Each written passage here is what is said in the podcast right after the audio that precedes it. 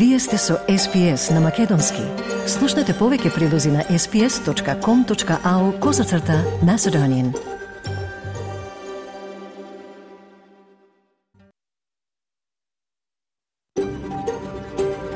SBS, a world of difference.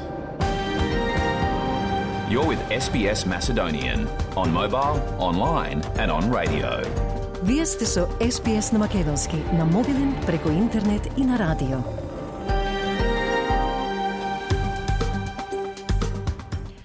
СПС им одава признание на традиционалните собственици на земјата, народот Воранджери Вој на нацијата Кулен и од чија земја ја имитуваме програмата. Добар ден, со вас е Маргарита Василева. И денеска ќе го имитуваме редовниот и обширен извештај за состојбите во Македонија. Ќе чуете и за тоа дека на самитот на Берлинскиот процес германскиот канцелар Олаф Шолц ја пофали Македонија за исполнувањето на наметнатите услови однадвор за да го задржи европскиот курс. А медиумите калкулираат со датуми за избори и го наведуваат 8 мај како датум за двојни избори. Понатаму од локалните и светски теми, австралиските научници сакаат да им се даде поголем приоритет на домородните науки како вреден извор на можности за вработување, воедно и како во борбата, односно и во борбата против климатските промени но и покрај значајните постигнувања во областа за правата на жените, особено во спортот годинава, неодамнешниот извештај на Светскиот економски форум сугерира да дека родовата еднаквост сепак останува далечна цел. А во последните минути од програмата ќе ви ја представиме Дарија Андовска, деканка на Факултетот за музичка уметност во Скопје, автор на повеќе дела, композитор на театарска, филмска и оркестарска музика и добитник на над 10 значајни меѓународни награди и признанија. Останете со нас и за тој разговор. Тоа се главните содржини за денес. Најпрви почнуваме со вестите на СПС, што ќе ги пренесе Радица Бојковска Димитровска. Радица Повли. Благодарам, Марга. Добар ден и од мене. Во денешниот билтен. Уште два лета спонзорирани од австралиската влада слета во Дубај, превезувајќи речиси 200 патници евакуирани од Израел. 56 годишен маж го изгуби животот откако шумски пожар зафати имот на северниот брег на Нов Јужен Велс. На самидот на Берлинскиот процес во Тирана, меѓу лидерите на Западен Балкан, учествуваше и македонскиот премиер Димитар Ковачевски. И вооружен маж се уште е во бегство откако смртно застрела двајца шведски државјани и рани трето лице во центарот на Брисел. Останете со нас. Израелскиот премиер Бенјамин Нетањаху се сретна со државниот секретар на Соединетите Американски држави Антони Блинкен во Тел Авив. Господин Блинкен се врати во Израел по втор пат за помалку од една недела по посетата на шест арапски земји. Посетата имаше за цел да спречи борбите меѓу израелските воени сили и милитантите на Хамас да разгорат поширок конфликт во регионот. Борбите беа предизвикани од нападот од страна на Хамас, во кој загинаа повеќе од 1000 израелци. Израелскиот министер за одбрана Јоав Галанд, кој исто така беше на состанокот, рече дека ова ќе биде долга војна, а цената ќе биде висока, но дека Израел ќе победи за еврејскиот народ и за вредностите во кои двете земји веруваат. So let me tell you Mr. Secretary. This will be a long war. The price will be high, but we are going to win for Israel, for the Jewish people, and, and for the values that both countries believe in. Уште два лета, спонзорирани од австралиската влада, слетаа во Дубај, превезувајќи речиси 200 патници евакуирани од Израел. Вице-премиерот Ричард Марлс вели дека меѓу 194 луѓе на бродот се нашли и 96 држ... на во авионот се нашле и 96 државјани од Пацификот, бидејќи Австралија им нуди помош и на граѓаните од тој регион. Господин Марлс вели дека во оваа фаза нема повеќе организирани патувања, бидејќи овие летови го задоволиле непосредното барање на австралиците да го напуштат Израел, но дека сепак има неколку авиони на воздухопловните сили во регионот поради непредвидливата ситуација. We believe that these flights do meet uh, the immediate demand on the part of Australians to leave Israel. That said, uh, we are keeping uh, a couple of Air Force planes in the region as a, as a contingency over the coming days. Обединетите нации велат дека повеќе од 1 милион луѓе се раселени во Газа и дека израелската копнена офанзива може да ја забрза хуманитарната криза.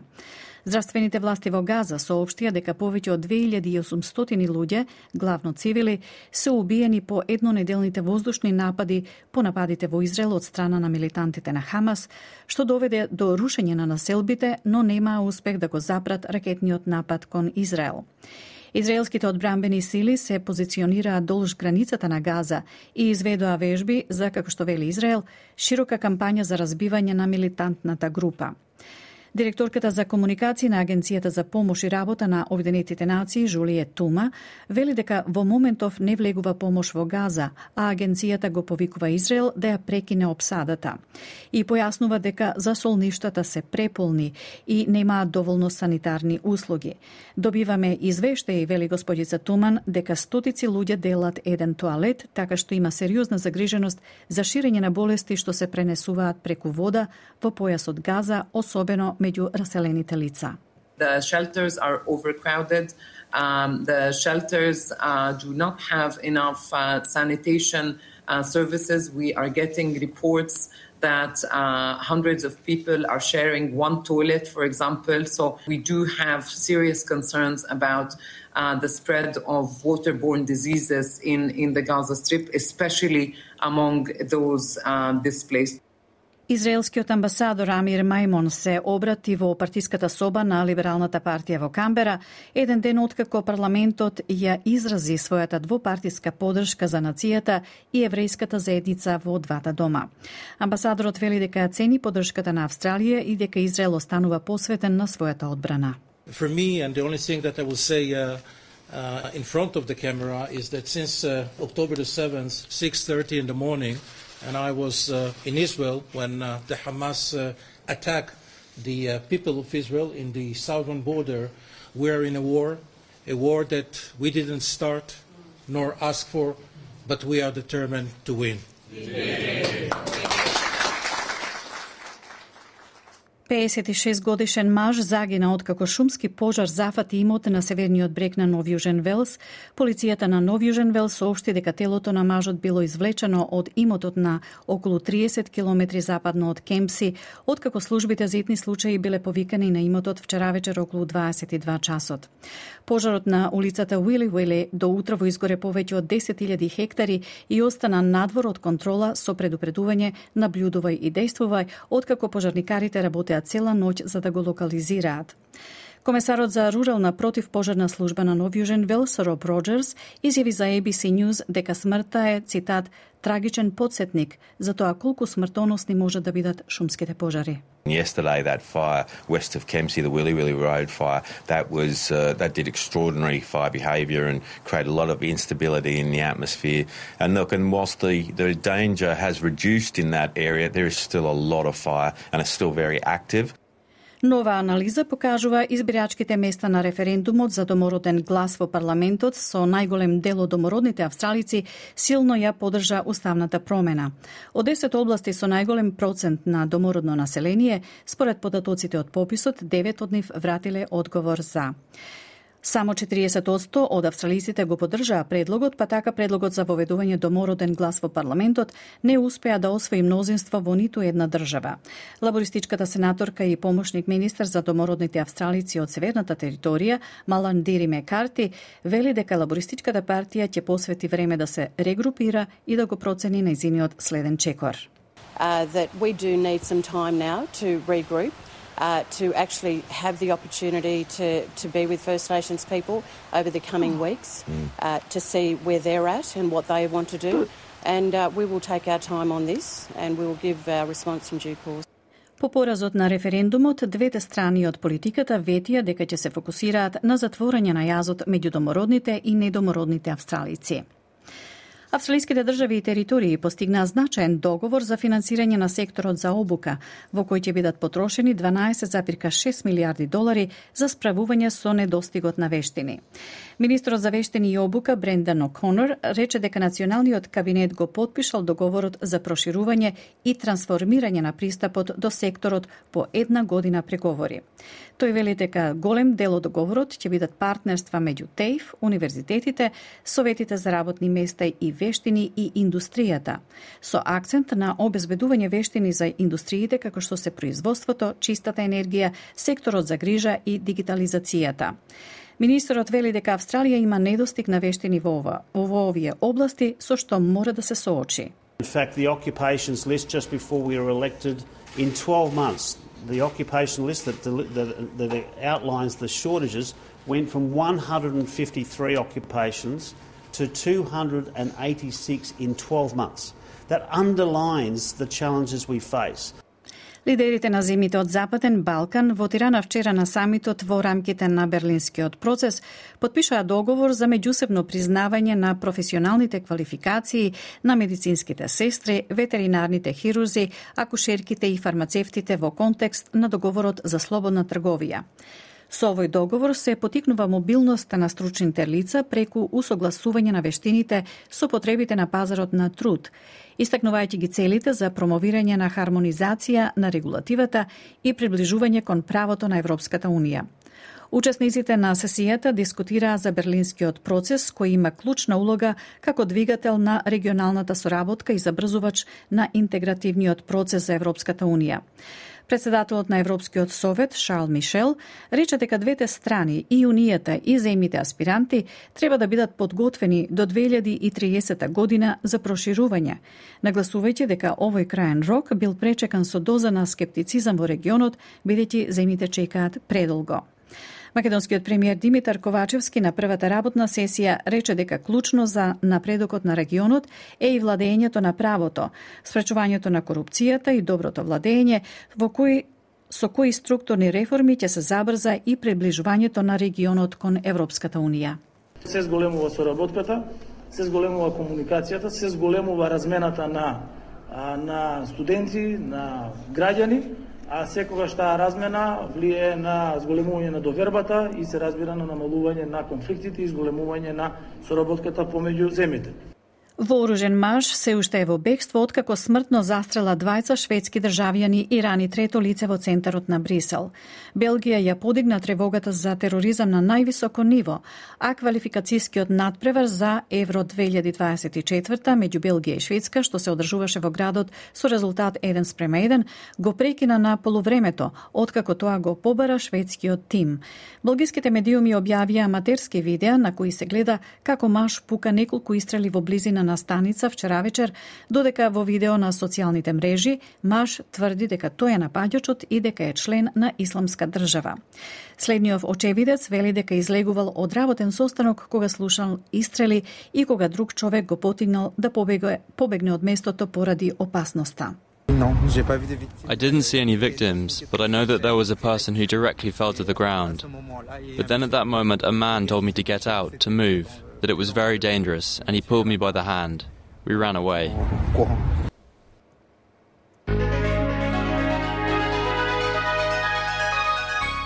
Од најновата курсна листа, денеска еден австралиски долар се менува за 0,59 евра, 0,62 американски долари и 36,52 македонски денари. Додека еден американски долар се менува за 58,01 македонски денар, а едно евро за 60,96 македонски денари. Еве и накусо временската прогноза за главните градови за утре, среда 18 октомври. Перт претежно сончево, максималната ќе се искачи до 25 степен, Аделаид сончево 20 26, сончево за Мелбун 23, сончево за Хобарт 24, Камбера делумно облачно 22, Сиднеј облачно 21, делумно облачно и за Бризбен 25, сончево за Дарвин 35, сончево и за Алис Спринг со максимално до 32 степени.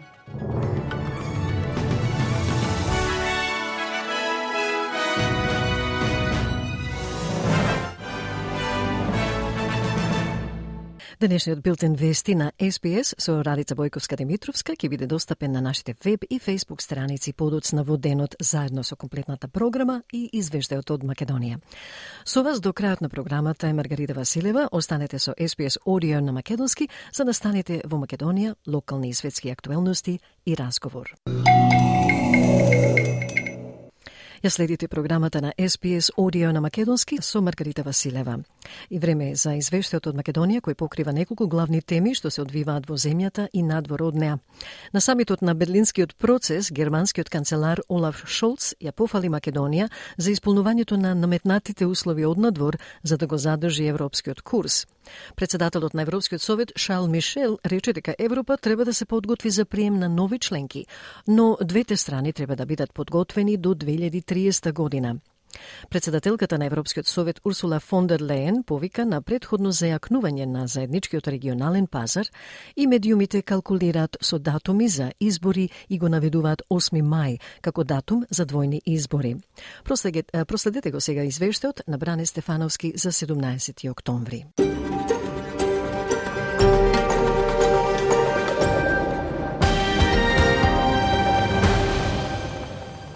Лидерите на земјите од Западниот Балкан во Тирана вчера на самитот во рамките на Берлинскиот процес подпишаа договор за меѓусебно признавање на професионалните квалификации на медицинските сестри, на ветеринарните хирурзи, акушерките и фармацевтите во контекст на договорот за слободна трговија. Овој договор е продолжение на заложбите од последниот самит на Берлинскиот процес, кога лидерите на земјите од Западниот Балкан усогласија признавање на професионалните квалификации на докторите по медицина, докторите по дентална медицина и архитектите во контекст на договорот за слободна трговија. Со овој договор се поттикнува мобилноста на стручните лица преку усогласување на вештините со потребите на пазарот на трудот, истакнувајќи ги целите за промовирање и хармонизација на регулативата и приближување кон правото на Европската Унија. Учесниците на сесијата дискутираа за Берлинскиот процес кој има клучна улога како двигател на регионалната соработка и забрзувач на интегративниот процес во Конеу. Лидерите на сесијата ги изнесоа своите ставови околу улогата на заедничкиот регионален пазар, со што се овозможува подлабока трансформација на регионалната економска интеграција се разменија мислења околу заедничкото работење за исполнување на заемната амбиција на земјите од Западниот Балкан, имајќи го предвид фактот дека со ваквите регионални достигнувања и со идните, регионот има силен стимул да продолжи по оваа траекторија на регионалната соработка. Германскиот канцелар Олаф Шолц рече дека Германија сака да направи се за Македонија да биде успешна во своите напори и дека е многу благодарен за активностите на шефот на македонската влада кој вложува големи напори за да ги исполни условите наметнати од надвор. Тој рече дека мора да се каже дека Македонија постигнала голем напредок во исполнувањето на критериумите за пристапување и вложува многу напор. Во тој поглед тоа е единствено исправно, рече Шолц на пресконференцијата на самитот. Тој додаде цитат. Јасно е дека 20 години откако на овие земји им беше дадено ветување за влез, тоа мора и да се случи, завршен цитат. Шолц се осврна и на значењето на регионалниот пазар на Западниот Балкан. Discuss today our ideas about how to make regional cooperation Денеска разговаравме за идејата како регионалната соработка да ја направиме успешна приказна. Секој напредок што го постигнувате во заедничкиот регионален пазар значително ќе ве донесе поблиску до европските стандарди.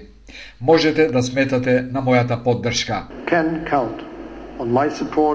Председателот на Европскиот совет Шарл Мишел рече: We all feel, we all know it's time to keep our promise Сите знаеме дека е време да ги исполниме нашите ветувања за проширувањето, но се уште имаме работа за да се подготвиме и на двете страни. Треба да се подготвиме за прием на нови членки и затоа верувам дека и двете страни треба да бидат подготвени до 2030 година за проширување и знам дека овој краен рок беше пречекан со доза на скептицизам во вашиот регион, бидејќи предолго чекате. Because You have been waiting for a long time. Председателката на Европската комисија Урсула фон дер Лајен повика да се отвори европскиот пазар за компаниите од Западниот Балкан, но тоа значи предходно зајакнување на регионалниот пазар. We want to basically open in specific areas. Сакаме во одредени области да ги отвориме вратите од единствениот пазар на ЕУ за компаниите од Западниот Балкан и на тоа треба да работиме сега. Но секако дека отворањето на вратите не е доволно. Земјите од Западниот Балкан исто така треба да го комплетираат нивниот регионален заеднички пазар. Ова значи услов дека земјите од Западниот Балкан исто така треба да им дадат пристап на своите соседи до нивниот пазар. Со други зборови, ако има блокади, единствено што можете да блокирате е да се блокирате самите себе си. If there are blockages, the only one you can block is yourself.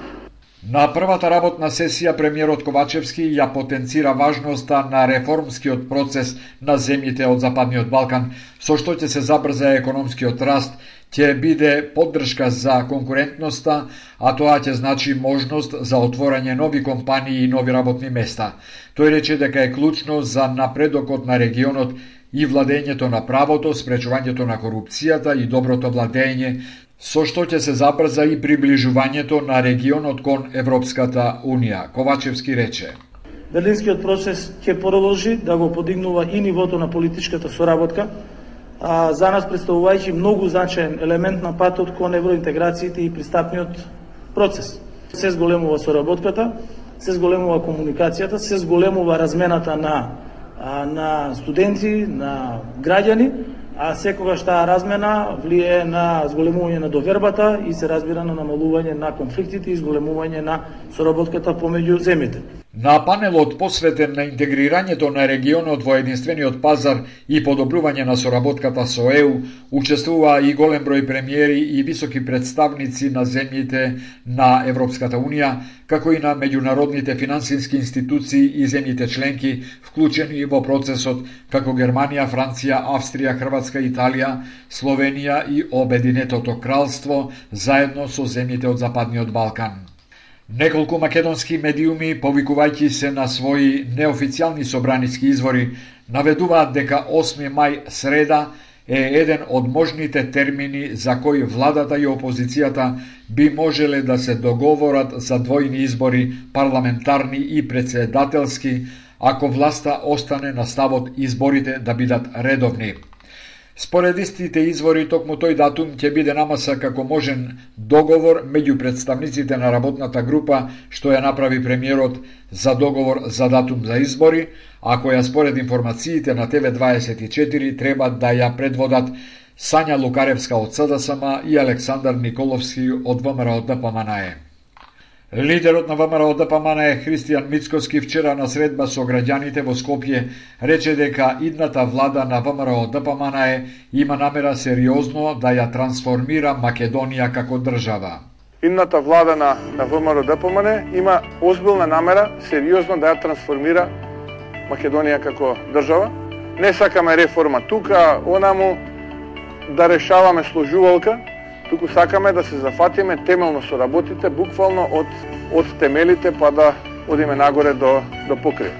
Мицкоски рече дека новата влада ќе воведе нови стимулации во неколку обштествени активности, како на пример од акцизни 3 денари, покрај спортот и културата, еден денар ќе оди за образованието, тоа е околу 800 милиони денари годишно. Вчера ВМРО ДПМН го објави менито на ресторанот во собранието, од кое се гледа дека пратениците се хранат по багателни цени, наспроти големата сиромаштија што владее во државата. На менито може да се види дека мешана салата чини 30 денари, тост 70 денари, рамстек 285 денари, јунешко соте 180 денари и така натаму. ВМРО ДПМН е забележа дека вакви цени нема ни во болниците, ни во студентските домови, но опозиционата партија не наведува дека и неизините пратеници се хранат во истиот собраниски ресторан и дека цените во тој ресторан од секогаш биле ниски без разлика кој бил на власт. Последното истражување покажува дека над половина милион македонци се сиромашни и немаат доволно пари ни за храна. До крајот на годинава се очекува околу 80.000 граѓани да го минуваат денот со по 60 денари, а сега над 440.000 граѓани имаат само 200 денари дневно во джебот. За разлика од бифеата на државните органи, бифеата на факултетите, на пример, ги држат приватни компании под концесија и цените се драстично повисоки поради маржите. Го слушавте извештајот за најновите настани во Македонија на Бране Стефановски. А за широк избор прилози на разни теми и видеоклипови за настани во заедницата, посетете ја нашата Facebook страница SPS Macedonian или веб страницата sps.com.au Macedonian. По неколку информативни пораки од SPS, драги слушатели, ќе преминеме и на други теми, а подоцна и на разговорот со Дарија Андовска, деканка на факултетот за музичка уметност во Скопје и добитник на над 10 значајни меѓународни награди и признанија за незината музичка уметност. Останете со нас. Австралиските научници сакаат да им се даде поголем приоритет на домородните науки. Тие тврдат дека можат да бидат вреден извор на можности за вработување и можат да помогнат во борбата против климатските промени. Повеќе на оваа тема од прилогот на Александра Анефантис за SBS News. Од Science and Technology Australia, или STA, велат дека домородните знаења треба да бидат повисоко на приоритетната листа на федералната влада. Министерот за наука Ед Хюсич ги разгледа националните приоритети за наука и истражување и објави нацрт на тие приоритети. Но шефот на Science and Technology Australia, Миша Шуберт, вели сакат да видат поинаков пристап науката и технологијата како врвно тело за секторот. Science and Technology Australia would like to see as the peak body for our sector is a dual approach where we both interweave Indigenous knowledge through every other challenge, whether that's helping to get to our net zero future and stem the loss of biodiversity, whether it's solving the big health challenges that Australians will continue to um, face, um, but also to see that we enshrine Indigenous knowledges as their own standalone priority in recognition that this is important knowledge to Australia in its own right, not. Um, uh, not just in uh, the advancement of other goals for the country as well. Приоритетната листа што ја објави Министерот за наука ги идентификува истражувачките области на кои треба да им се даде најголемо значење во следната деценија Но заменикот вице-канцелар на Универзитетот во Тасманија, професор Иен Андерсон, се согласува со STA и вели дека домородната наука треба да има свој простор, поради што домородното знаење е поле само по себе и тоа треба да се истражи и развие, анализира и спореди со цел да придонесе за знаењата на науката. Indigenous knowledge is is appealed in its own right. It needs to be explored and developed, analysed, collated in order to contribute to science's knowledges. It's not just a handmaiden of science.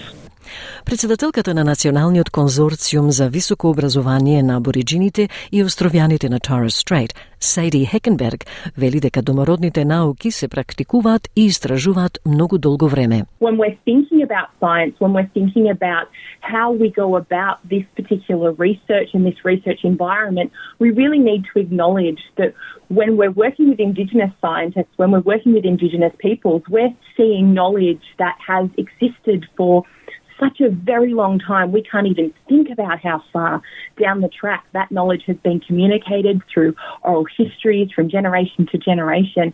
And that's so change making in that environment. And as people who are working in Australia, we're always working on Aboriginal and Torres Strait land. And so we need, really need to be respectful of that really amazing process. Професорот Андерсон зборува за некои од примените на домородните знаења во современите области на научно истражување.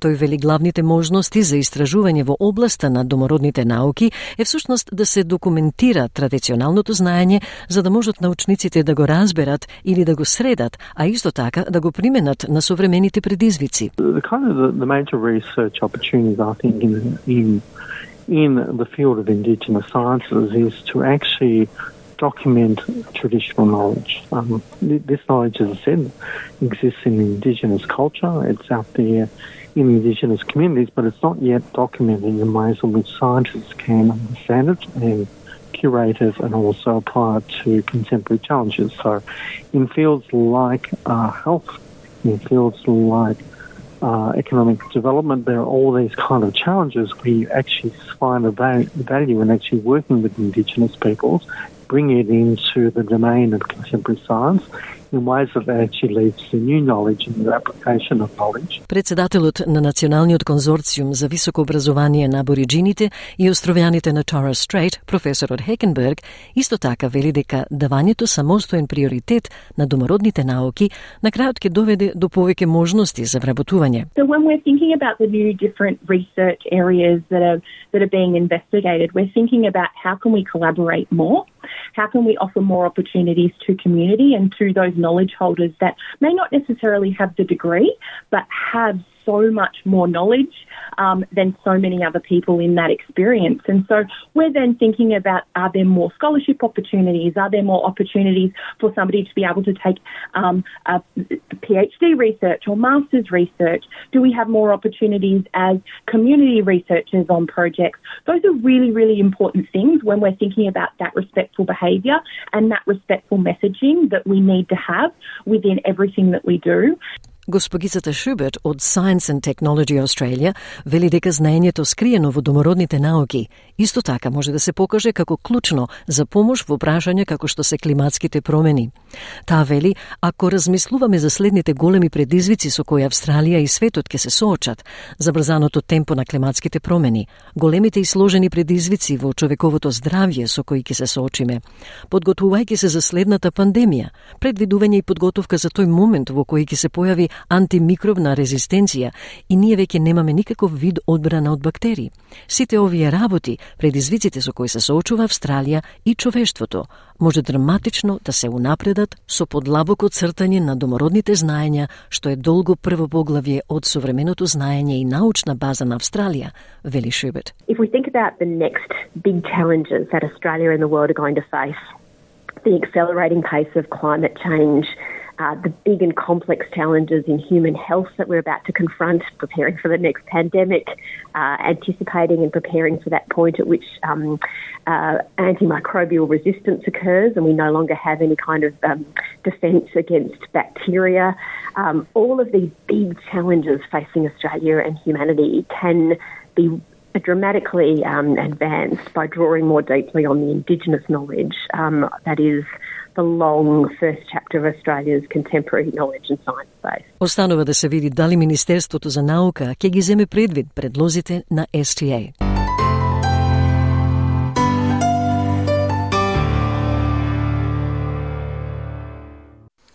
Застапниците за правата на жените велат дека многу се постигнало за родовата еднаквост во 2023 година, особено во областа на спортот. Но неодамнешниот извештај на Светскиот економски форум сугерира дека родовата еднаквост сепак останува далечна цел. Да слушнеме повеќе во прилогот на Алекс Анифантис за SBS News, што на македонски го подготви Ана Коталеска.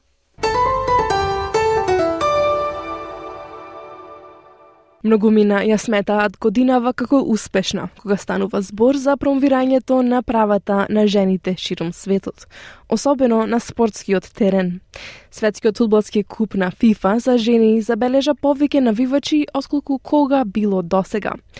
Добротворната организација Plan International Australia работи со спортисти за да ги поддржи правата на жените во Австралија и низ целиот свет. Извршната директорка на организацијата Сузан Легена вели дека полека се постигнува напредок кон родовата еднаквост низ светот, а тоа се случува особено во земјава. We are seeing progress in the world. Um, we are seeing um, you know, advance that's being made for children and for girls all over the world. And in Australia, we're seeing that in particular. Но според нови податоци на Светскиот економски форум, се чини дека постигнувањето на родовата еднаквост се уште е оддалечена цел. Всушност, од организацијата велат дека се потребни уште 131 година за да се стигне до таму. Госпогица Легена вели дека ќе бидат потребни заеднички напори од креаторите на политиката и од поединци за ситуацијата да се промени. We need action from governments to change policies and laws, but we need actions from everyday Australians too who care about this matter to talk about it in their families, to be aware of their own biases, and to challenge those sexist attitudes when they see them. Акец Макурчуот игра за Австралиската фудбалска лига за жени, односно AFLW, и придонесува во напорите на Plan International Australia во промовирањето на правата на жените. Таа е бегалка од Јужен Судан. Макурчуот вели дека нелошите спомени од незиниот живот се поврзани со третманот на жените во незината родна земја. Таа го поставува примерот со незината сестра, која на 15 годишна возраст се мажила за постар човек.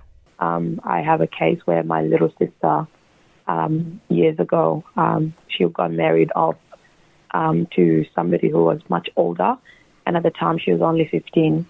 Um, and I just remembered my heart absolutely being broken um, at the thought of like she's only 15 and how is that possible that they could do this to somebody who had such a bright future? Една од другите пречки што ја надминаа жените годинава е освојувањето на престижната Нобелова награда. Клодија Голден стана само третата жена на која и била доделена Нобеловата награда за економија за незините испитувања за родовиот јаз во платите. Plan International Australia вели дека жените во просек заработуваат 26.000 долари помалку од мажите. Но сепак, 37% од населението се уште верува дека воопшто не постои разлика во платите. Госпогица Легена вели дека оваа ситуација треба да се промени. Преку предизвици кон нашата пристраност, различни начини на регрутирање и други механизми на работното место. Whatever the reasons are, we need to really challenge that and challenge our own bias in relation to that, find out why that is occurring, and um, create different kinds of recruitment and other mechanisms in our workplaces to ensure that for the same work, men and women are being paid the same amount of money. Според организацијата Plan Australia, само 60% од австралиците веруваат дека женскиот спорт треба да биде на еднаква основа со мажите. Откритие што Макурчуот го опишува како разочарувачки.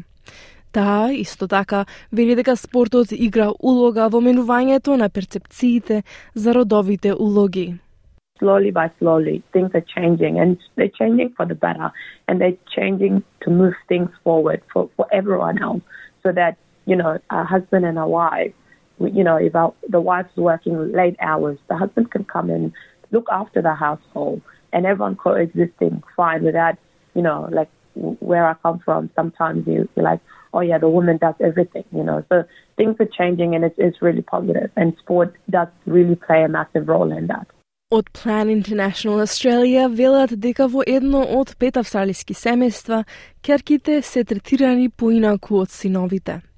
Сузан Легена вели дека родителите треба да се погрижат на нивните девојчина да им ги дадат истите можности како и на момчињата.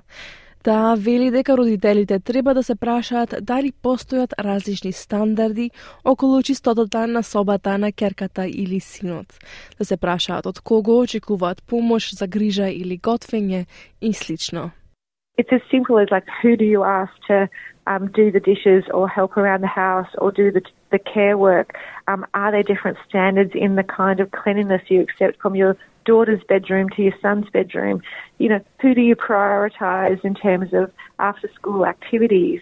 Um, who do you listen to um, for their opinion? Who do you ask what they think about certain things? And just being super aware and finding ways to ensure that we are treating our, our boys and girls in the same way and ensuring that girls have equal rights and opportunities to develop themselves and participate in everything that their brothers are. Ана Коталеска со прилогот на SBS News за родовата еднаквост. Следуваат неколку музички минути со најсветлата звезда на македонската музичка сцена, но и пошироко на Балканот, чиј живот трагично згасна пред 16 години, токму на 16 октомври 2007 година. Тоше Проески исто така беше голем хуманитарец кој со својот меѓународно признаен талент, добрина, харизма и љубов кон сите успеа да го обедини Балканот како никој порано. Со своите безвременски песни, Тоше успеа да ги премости сите навидум непремостливи нешта. Тоше загина, но не и неговите песни. Една од нив е за овој свет. Првата глобална женска лидерска конференција во Македонија насловена Јас сум жена се организира со цел да се представи позицијата на жената во современото македонско општество, како и кои се предностите и предизвиците со кои се соочуваат македонките во и надвор од Македонија. Конференцијата беше организирана од три млади жени, ентузијасти за унапредување на правата и положбата на жените во Македонија. Ана Дуковска, основачка на иницијативата Македонците во светот, или на Пеоска Затуровски, дизајнерка и собственичка на мал бизнис, и Катерина Климовска, председателка на ИСЛА, алумни Асоциацијата на школата за млади лидери Иванов. Во следниве минути ви ја представуваме Дарија Андовска, деканка на Факултетот за музичка уметност во Скопје и редовен професор по група наставни предмети во областите теорија на музиката, музички форми со анализа, хармонија и полифонија со анализа и композиција. Автор е на повеќе дела меѓу кои и театарска музика, филмска и оркестарска. Дарија е добитник и на 10 значајни меѓународни награди и признанија. Има над 14 публикации на дела за национални и меѓународни институции и учесник во над 95 национални и интернационални фестивали. Доволен повод преку разговорот на нашиот соработник Милчо Ивановски да ви ја представиме Андова од другата страна на нештата точно жена сте, но што ве прави различна од мажите или зошто да сме да сте исти со мажите? Па никој не рече дека треба да сме исти со мажите. Напротив, ние треба да сме различни и со сама сме различни, почнувајќи од физикусот, од тоа што можеме ние да направиме, на пример да родиме дете, па до тоа кој како изгледа и кои се можностите, особено физичките, интелектуалните разлики не би требало да се во прашање од проста причина за, поради која во суштина ние и не треба да се разликуваме. Че единствената разлика измеѓу мажите и жените треба да биде физикусот и физичките предиспозиции. А останатите работи не треба да се подложни според мене на позитивна дискриминација, него треба да сме сосема рамноправни. Како се вклучивте во оваа конференција на покана предпоставувам на организаторите и што имате да им кажете и да им порачате на луѓето околу вас? Да, ми ме покани организаторката на, на овој настана на Дуковска. Ние бевме и минатата година во контакт за првата конференција, ме ја сега нова учествувам како паналистка. Што имам да им порачам, има таму прилично многу прашања кои што ми ги спрате и сериозно да размислав што треба да им порачам. Конечно, особено на младите жени. И мислам дека ќе е главната препорака ќе биде да се чува слободата. Пишува Дарја Андовска е композиторка, пианистка и авторка на оркестарска, камерна, солистичка и така натаму музика за театар, филм и сето тоа. Пред малку една од соговорничките ми рече ние сме жените мултитаскинг.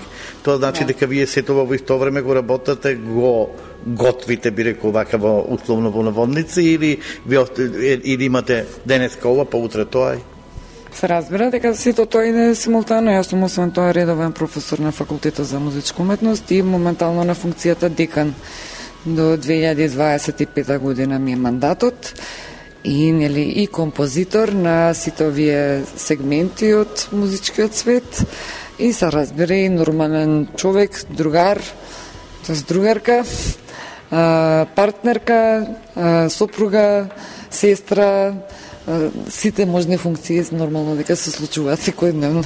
Така. Како е да се биде на чело на една институција како што е факултетот за музичка уметност? Имаме ли млади и надежни генерации токму во музиката во Македонија, затоа што пред ова што го имаме ни покажува дека вредиме во светот, но дали доаѓаат и нови?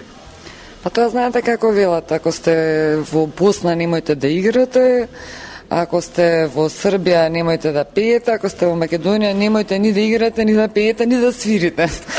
Затоа што ќе ве надиграат, ќе ве надсвират и ќе ве надпеат. Да. Ние сме исклучително талентиран народ, имаме неверојатен вруток на таленти кои што треба кај нас да стигнат дури пред крајот на своето образување, значи во високото образование, каде што ние треба само да ги дообликуваме.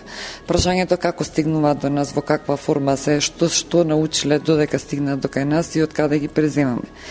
Јас го преземав факултетот во една реално многу тешка состојба, да не речам дури пред затварање, така што за мене е многу поголем залакот за разлика од претходните декани кои што поаѓале од некаква позиција веќе стартна која што може точно да ги насочи. Јас не од нула, него од минус го зема факултетот, меѓутоа мислам дека со мојот тим успеавме за една година веќе прилично големи промени да направиме на позитивно и еве за разлика од другите образовни институции каде што опаѓа бројот на ученици и студенти кои што се запишуваат кај нас се зголемува. Овдека читам сега награди, признанија, номинации, еден куп, не може сите да се дочитаат во еден глас, потоа образованието кое е импозантно, каде себе носеше музиката ни свет.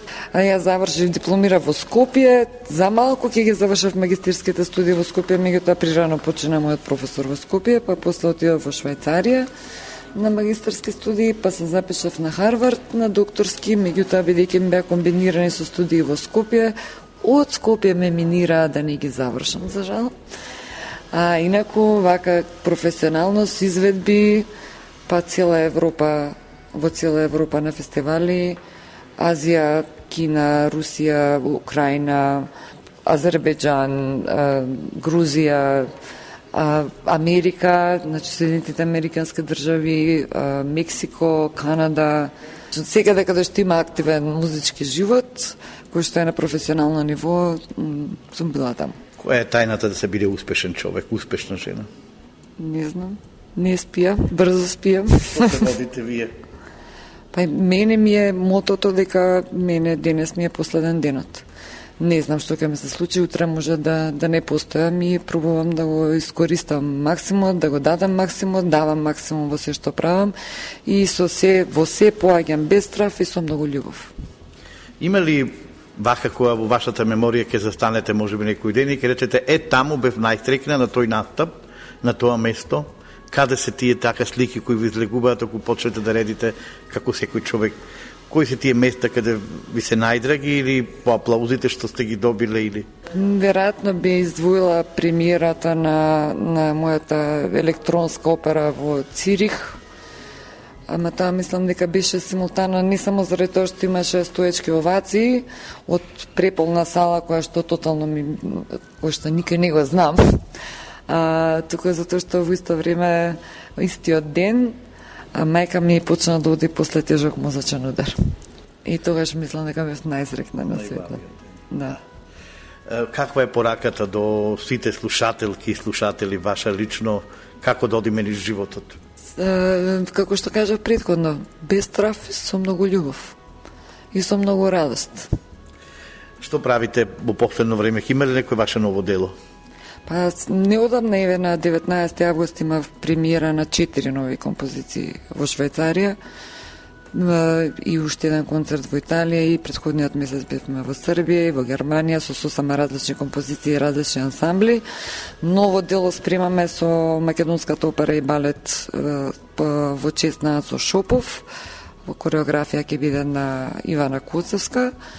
Тоа би требало да биде никаде во ноември или почетокот на декември, а во меѓувреме веќе постечките се изведуваат активно. Дарија, ви благодарам за ова интервју. За мене беше инспиративно и чест да се биде покрај вас. Се надевам дека и слушателите така ќе ве доживеат. И благодарам и јас вам.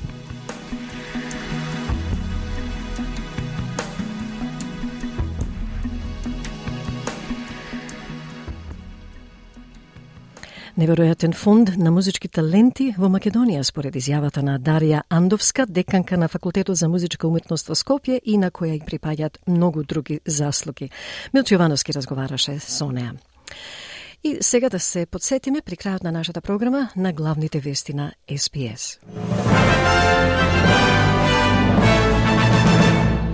Уште два лета, спонзорирани од австралиската влада, слетаа во Дубај, превезувајќи речиси 200 патници евакуирани од Израел. 56 годишен маж го изгуби животот од како шумски пожар зафати имот на северниот брег на Нофижен Велс. На самитот на Берлинскиот процес, германскиот канцелар Олаф Шолц упати пофалби кон Македонија за исполнувањето на наметнатите услови од надвор за да го задржи европскиот курс и вооружен маж се уште е во бегство откако смртно застрела двајца шведски државјани и рани трето лице во центарот на Брисел.